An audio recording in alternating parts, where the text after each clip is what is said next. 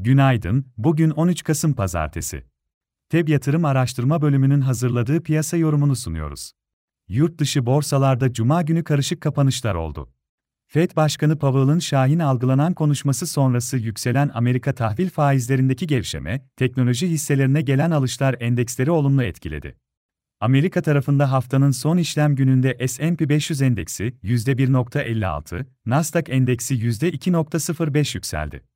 Asya ve Avrupa borsalarında zayıf kapanışlar vardı. Kredi derecelendirme şirketlerinden Moody's Amerika'nın kredi notu görünümünü negatife çevirdi. Amerika endeksleri vadeli tarafta yeni haftaya hafif aşağıda başlıyor. Asya tarafında Singapur ve Malezya piyasaları bugün kapalı diğer piyasalarda karışık bir seyir gözleniyor. Çin ve Japonya hafif satıcılı, Güney Kore borsası yükselişle açıldı. Avrupa borsalarının yeni haftaya hafif yukarıda başlaması bekleniyor. Dolar endeksi hafta başında yatay, Amerika tahvil faizleri yukarıda işlem görüyor. Petrol fiyatları üzerinde resesyon endişelerinin baskısı sürüyor. Amerika'da bu hafta enflasyon rakamları önemli olacak, salı tüfe, çarşamba üfe gelecek. Ayrıca Amerika Başkanı Biden ile Çin Devlet Başkanı Xi Jinping'in çarşamba günü yapacakları görüşmede yakından izlenecek. Avrupa tarafında Euro bölgesine ilişkin büyüme, sanayi üretimi, enflasyon rakamları bulunuyor. İçeride bugün Eylül ayına ilişkin cari işlemler dengesi verisi takip edilecek. Borsa İstanbul'da BIST endeksinde 7297 seviyesinden başlayan, 1 Kasım'dan beri etkili olan yukarı eğilimin geçtiğimiz haftada korunduğunu gördük. Ancak kısa vade kritik dirençlerden biri olarak izlediğimiz 8000 seviyesine yaklaştıkça haftanın ikinci yarısında piyasa üzerinde daha çok satışlar etkili oldu.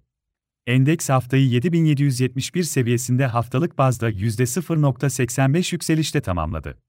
Cuma günü endeks eksi %0.89 değer kaybetti.